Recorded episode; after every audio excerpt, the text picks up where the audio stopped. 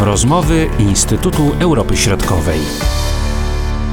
Witamy Państwa w rozmowach Instytutu Europy Środkowej. Marcin Superczyński i Piotr Oleksy. Witam Cię, Piotrze. Witam serdecznie, cześć. W tej naszej rozmowie y, będziemy dzisiaj koncentrowali się na zagadnieniach rumuńsko-mołdawskich. Niedawno podczas szczytu inicjatywy Trójmorza w Bukareszcie Mołdawia zdecydowała się na przystąpienie do tej inicjatywy jako państwo stowarzyszone. Także ostatnio byłeś w Bukareszcie, no nie na szczycie, ale troszeczkę później. Jak to posunięcie jest komentowane? Y, to znaczy, to posunięcie oczywiście jest komentowane jako taki pozytywny aspekt y, budowania y, kolejnych więzi, relacji, współzależności, jak to teraz się często mówi, pomiędzy Unią Europejską, państwami Unią, Unii Europejskiej a Republiką Mołdawii. Chociaż bym powiedział, że to nie jest jakieś aż postrzegano jako aż tak ważki krok, dlatego też, że inicjatywa Trójmorza sama w sobie jest y, coraz bardziej dostrzegana faktycznie w Rumunii czy też w Mołdawii, ale nadal ona jest, y, istnieje w sferze pewnej idei bardziej i funkcjonuje jako taka pewna platforma wymiany myśli, platforma mm, y, dyskusji i, i, platforma pewnych możliwości, które w przyszłości mogą, mogą się zrealizować. Więc to jest, y, to jest tak, można tak powiedzieć, kolejny taki krok w stronę silniejszego wiązania Republiki Mołdawii mm, z Unią Europejską i z y, regionem Europy Środkowej, tak powiedzmy oraz umożliwiający ewentualnie transfer środków, transfer różnych mechanizmów y, z, tutaj z, na, z, naszej części świata do Mołdawii. No Mołdawia z pewnością na to liczy. Y, niejednokrotnie mówiliśmy o sytuacji gospodarczej tego państwa, złożonej i bardzo trudnej. Tak, no oczywiście Mołdawia teraz już liczy pieniądze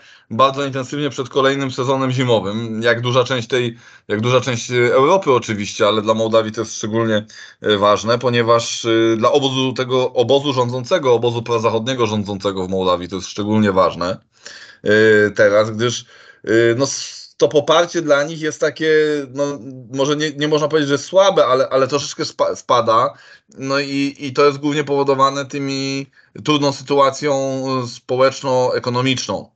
Y, ciężka zima, która wiązałaby się z jakimś tam wzrostem y, kosztów, znów ponownie mm, kosztów tych y, ogrzewania, kosztów tych, które wszyscy, wszyscy ponoszą w okresie zimowym, no mogłaby się znów ponownie odbić na, mm, negatywnie na, na, na poparciu dla prozachodniego obozu, obozu rządzącego, więc no te, te, te, ta wola polityczna i ten kurs w polityce zagranicznej, mm, tak ważny obecnie, jest też w pewnym sensie uzależniony od tych kwestii y, finansowych y, i, i, od tego ciepła, którego wszyscy w domu zimą potrzebują. Takie smutne, że to poparcie jest takie wątłe i zależy od takich no, rzeczy oczywiście bardzo ważnych, no ale... Może trochę źle to wybrzmiało, bo ono nie jest oczywiście tylko od tego zależne, ale jednak y, ludzie, wyborcy oceniają rządzących na wielu różnych aspektach i na przykład mogą być jak najbardziej zadowoleni z tego, w jaki sposób Maja Sandu i Partia Aktywności i Solidarności rządząca w Mołdawii,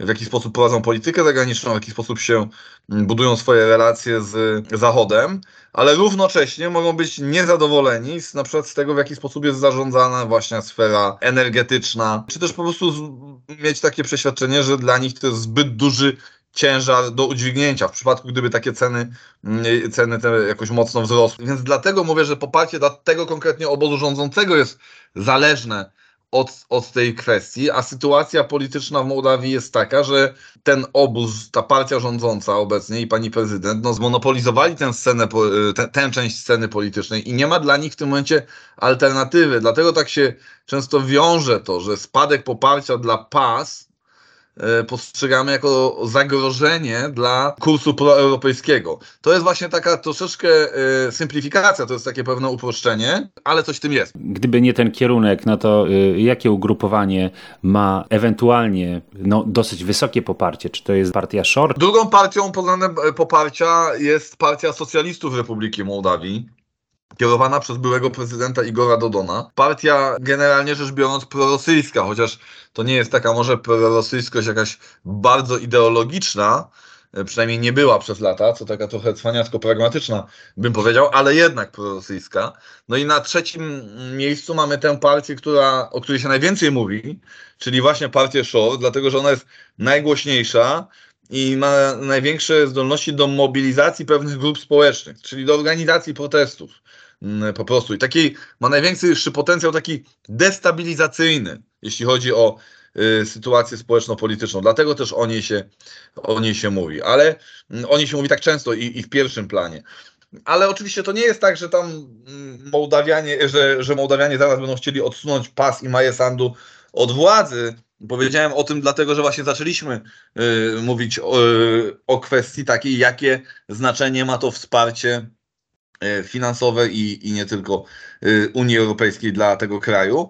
No ma między innymi ta, ta, takie, y, takie znaczenie, że jest konieczne nie tylko z przyczyn takich powiedzmy moralnych, że chcemy ich wspierać, no, co również z przyczyn takich, takich strategicznych, żeby nie ułatwiać Rosji destabilizacji sytuacji w tym państwie przy pomocy narzędzi energetycznych. A jak w tym kontekście wyglądają obecnie relacje mołdawsko-rumuńskie? Co się zmieniło na przestrzeni tych ostatnich lat? Mołdawia zajmuje takie szczególne miejsce w rumuńskim życiu politycznym. Można by powiedzieć, że w takim politycznym, zbiorowym psyche zajmuje szczególne miejsce. Znaczy, Mołdawia jest takim pewnym mitem, można powiedzieć, w, w, w, że obecnym w rumuńskim życiu politycznym na tej zasadzie, że Rumuni jakoś tam świadomi politycznie są przeświadczeni o tym, że mieszkańcy Mołdawii, ci rumuńskojęzyczni, no to są w zasadzie ich bracia, ich rodacy.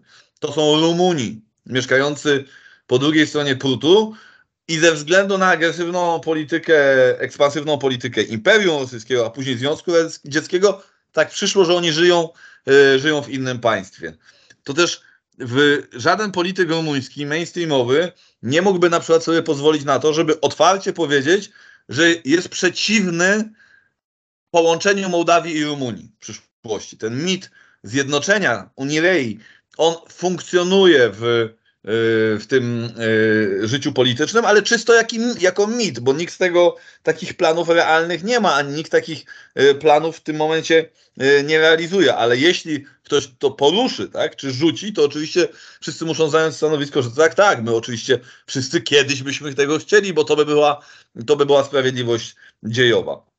Więc Rumunia czuje się też w dużej mierze, powiedzmy, zobowiązana do tego, żeby Mołdawię wspierać jak tylko można, ale w czym? Przede wszystkim w ograniczaniu wpływów, wpływów rosyjskich w Mołdawii. Przy czym tutaj jest i, i faktycznie no to jest taki bardzo obecnie bliskie relacje, bardzo bliskie, z tym, że tu można dodać kilka ale. Pierwsze ale jest takie, że jak ja na przykład rozmawiam teraz z dziennikarzami rumuńskimi, takich głównych mediów, to oni mówią, że tematyka mołdawska w ogóle nie cieszy się zainteresowaniem. To znaczy, mówienie o tym, że my musimy wspierać Mołdawię i że może kiedyś by doszło na przykład do y, połączenia się narodu rumuńskiego, y, no to jest oczywiście coś, co się spotyka z zainteresowaniem. Ale jak y, dziennikarze próbują zrealizować jakiś materiał opowiadający o tym, co w tej Mołdawii tak naprawdę się dzieje, jak to życie tam wygląda, albo co się dzieje w tamtejszej polityce, to nie cieszy się jakimś wielkim wielkim hura zainteresowaniem odbiorców, a wręcz jest raczej takim jednym z tematów tak naprawdę niszowych. Druga kwestia jest taka, że Rumuni podchodzą do tego dosyć realistycznie, można powiedzieć, czy pragmatycznie, to znaczy oni bardzo chętnie pomagają Mołdawii, ale przede wszystkim yy, wykorzystując do tego pieniądze i zaangażowanie Zachodu.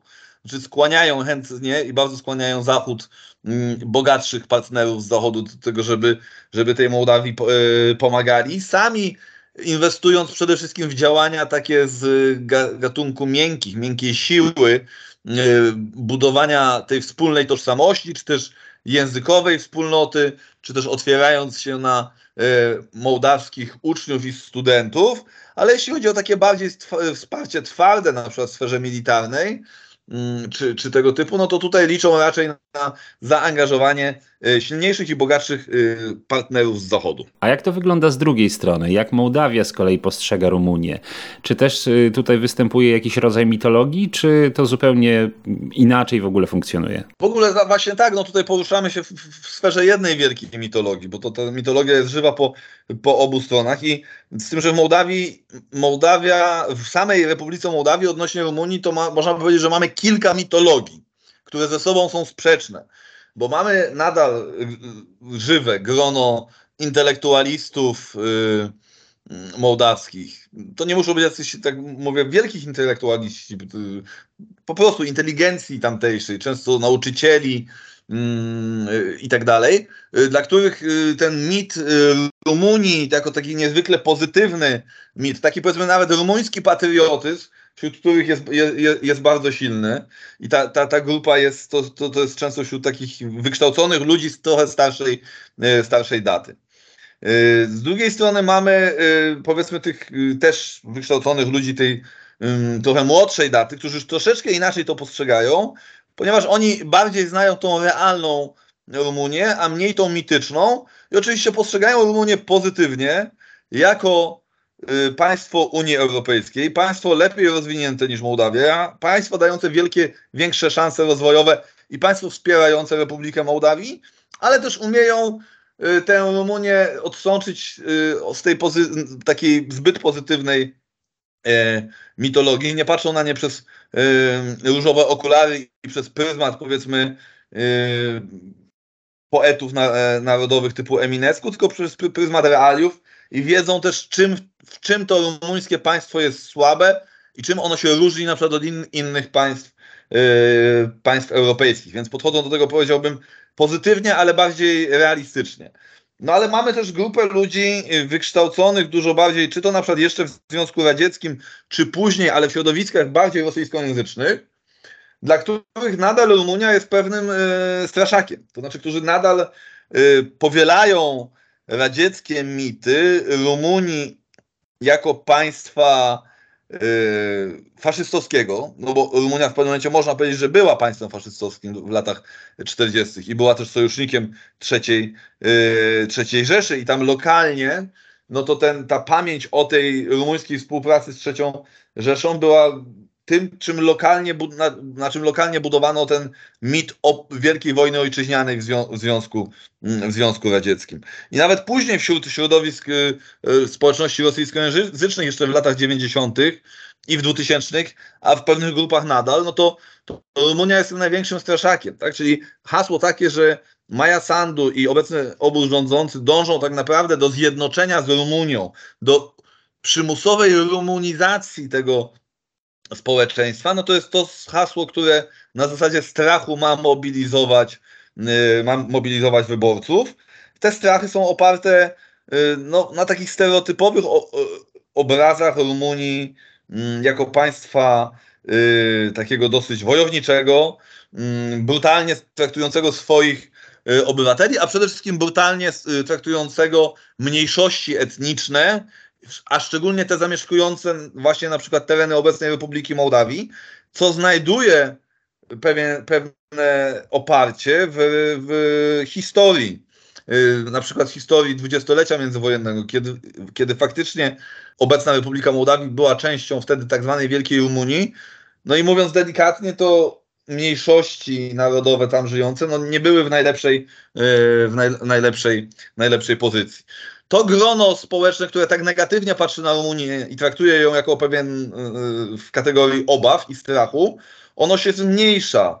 I tak na przykład jeszcze 10 czy 15 lat temu to ten czynnik miał dużo większe znaczenie dla takiej mobilizacji społecznej, ale to, że ono, ono się zmniejsza, ale nadal są grupy społeczne, wśród których ten negatywny obraz jest bardzo żywy. Taką grupą społeczną są na przykład Gagauzi, zamieszkujący południe Y, kraju. Y, społeczność y, w dużej mierze tak naprawdę rosyjskojęzyczna, bardzo prorosyjsko nastawiona i z takimi dużymi obawami patrząca nadal na, na Rumunię. A jak wygląda to ewentualne poparcie na zjednoczenie obu państw? Kwestia jakby poparcia dla zjednoczenia obu państw to jest też taka kwestia bardzo mocno zmitologizowana i myślę, że to jest też motyw, o którym najczęściej słyszymy. To znaczy, jeśli słyszymy o relacjach mołdawsko-rumuńskich, czy rumuńsko-mołdawski, to najczęściej w tym kontekście, że dociera do nas jakiś sondaż, który na przykład nam mówi, że tam 30 parę czy 40% Mołdawian, jak to w pewnym momencie było, y, popiera połączenie y, obu państw, to należy zniuansować i osadzić w pewnym kontekście. To znaczy takich y, ludzi w Mołdawii, którzy faktycznie jakby tak szczerze i gorąco wierzą, że, to powinno się wydarzyć, to je, jest taka grupa i on się różnie ocenia tam czasami na około 10-12% mieszkańców. Mm, natomiast y, dużo wielu innych ludzi w przypadku takiego sondażu również wypowiada się na ten temat pozytywnie. Znaczy, że tak, chciałbym, żeby te dwa państwa się połączyły, ale to nie wynika z tak bardzo gorących uczuć względem e, samej Rumunii, co raczej z rozczarowania, e, powiedzmy, tym projektem Mołdawia. To znaczy z rozczarowania mołdawską państwowością. I nie bez przyczyny, nie, nie przypadkiem poparcie dla tej idei było najwyższe w latach 2020-2021, kiedy co prawda już od władzy został odsunięty oligarcha Wlad Plachotny, który przez kilka lat trzymał tę Mołdawię e, całą w garści, zawłaszczając ją po prostu i rozwijając korupcję na jeszcze większą skalę. Potem władzę przejęła, przejął prorosyjski prezydent Igor Dodon, wprowadzając państwo w taki okres takiego tak naprawdę marazmu prawie dwuletniego i, i, i politycznego marazmu i, mm, i, i gospodarczego. No więc ludzie po prostu w pewnym momencie y, pytani o to, czy chciałbyś, żeby się połączyć z Rumunią, to odpowiadali tak, na takiej zasadzie, że, że tak, bo to jest y, być może dla nas teraz lepsze rozwiązanie, tak? że po prostu to państwo mołdawskie nam się nie udaje. To jest rodzaj, to był efekt raczej pewnej takiej kapitulacji niż jakichś takich gorących uczuć yy, yy, prorumuńskich. I, I, tak to należy, należy odczytywać. Odrzucając już yy, te opowieści mitologiczne, może yy, tak powiem, jakie są największe wyzwania dzisiaj yy, w tych relacjach mołdawsko-rumuńskich? Ja bym to podzielił na dwie, dwie strefy, dwie sfery. Pierwsza to są te powiedzmy wyzwania o charakterze strategicznym, które są wyzwaniami dla relacji Y, mołdawsko-rumuńskich, ale one mają, mogą mieć duże znaczenie w ogóle dla y, sytuacji całego regionu, sytuacji strategicznej całego regionu i dla odporności regionu, odporności takiej gospodarczej czy energetycznej. Tak? Czyli to są kwestie takie jak właśnie rozwój infrastruktury energetycznej umożliwiającej przesył y, gazu, co już się stało, bo gazociąg y, łączący Mołdawię i z Rumunią funkcjonuje, ale tu można jeszcze, jeszcze tą przepustowość rozwijać. Czy też y, rozwój infrastruktury energetycznej, bo jest możliwy przesył prądu z Rumunii do Mołdawii, przy czym to jest przy pomocy tylko jednej linii energetycznej, która, co może być zaskakujące, przebiega przez terytorium Naddniestrza, czyli tej separatystycznej republiki znajdującej się na lewym, znajdującej się na lewym brzegu Dniestru. Po prostu ta, yy, ta linia biegnie przez południową Mołdawię z zachodu na wschód aż do Naddniestrza, tam robi taką pętlę i może powiedzieć wraca do, mm, do yy, centrum kraju jakby. I to jest, y, no to, są, to jest jeszcze dziedzictwo właśnie inżynierii i, i, powiedzmy radzieckiej. I to są takie elementy, które, które należy, y, można przezwyciężyć, należy, które są przezwyciężane i one będą budować odporność Mołdawii chociażby na, na szoki takie energetyczne. Jest też kwestia na przykład rozbudowy mołdawskich, yy, mołdawskiej infrastruktury drogowej, a przede wszystkim kolei oraz y, portu, y, mołdawskiego portu w Dziurdziuleszti, który znajduje się w miejscu, w którym prut wpada do Dunaju. I teraz dlaczego to są tak ważne kwestie? Dlatego, że w, obecnie w sytuacji, gdy Rosja blokuje ukraińskie porty czarnomorskie, główny korytarz transportu zboża z Ukrainy biegnie przez pogranicze rumuńsko-ukraińskie nad Dunajem oraz przez powiedzmy pogranicze rumuńsko-mołdawsko-ukraińskie, czyli z Ukrainy do, przez Mołdawię do, do Rumunii. W ten sposób dostarczając zboże do y, właśnie rumuńskich portów na Dunaju, czy też rumuńskich portów właśnie na, na, nad Morzem Czarnym. I tutaj ta mołdawska infrastruktura jest już wykorzystywana i wyraźnie widzimy, że jej rozwój dodatkowo wzmocni, y, poprawiłby przepustowość tych, y, tych, yy, tych towarów i to się, to, się, to się zaczyna powoli dziać. Teraz też zresztą słyszymy, że Rumunia chce wykupić port w Giurgiuleszti, to znaczy ten mołdawski port, właśnie jedyny mołdawski port, który znajduje się na, w miejscu, gdzie prut wpada do Dunaju. I co to znaczy, że Rumunia chce go wykupić? To nie znaczy, że Rumunia chce wykupić kawał ziemi mołdawskiej, y, tylko chce no, być właścicielem tej infrastruktury portowej. Tak? Zresztą teraz właścicielem tej infrastruktury, tego portu jako takiego nie jest rząd Mołdawii, y, tylko jest OECD. Więc to po prostu zostanie być może wykupione przez, przez stronę rumuńską, co jeszcze bardziej ma właśnie zwiększyć spójność tych y, korytarzy y, transportowych. Myśląc też o tym, że w przyszłości one mogą mieć duże znaczenie w drugą stronę, czyli prowadząc do Ukrainy i będą miały znaczenie w budowie, w odbudowie Ukrainy, co też jest pewną szansą dla sam, rozwojową dla samej Republiki Mołdawii. A druga sfera, o której bym można wspomnieć, no to jest właśnie taka sfera bardziej społeczno-tożsamościowa.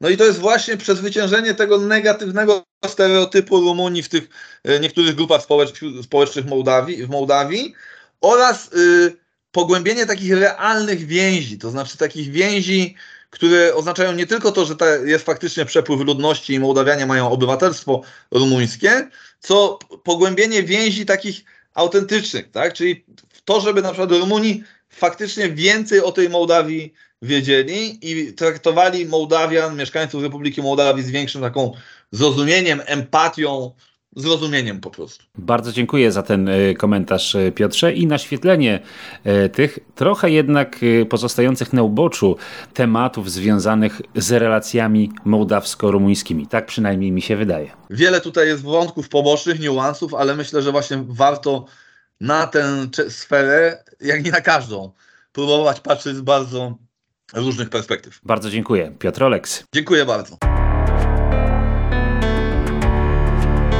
Były to rozmowy Instytutu Europy Środkowej.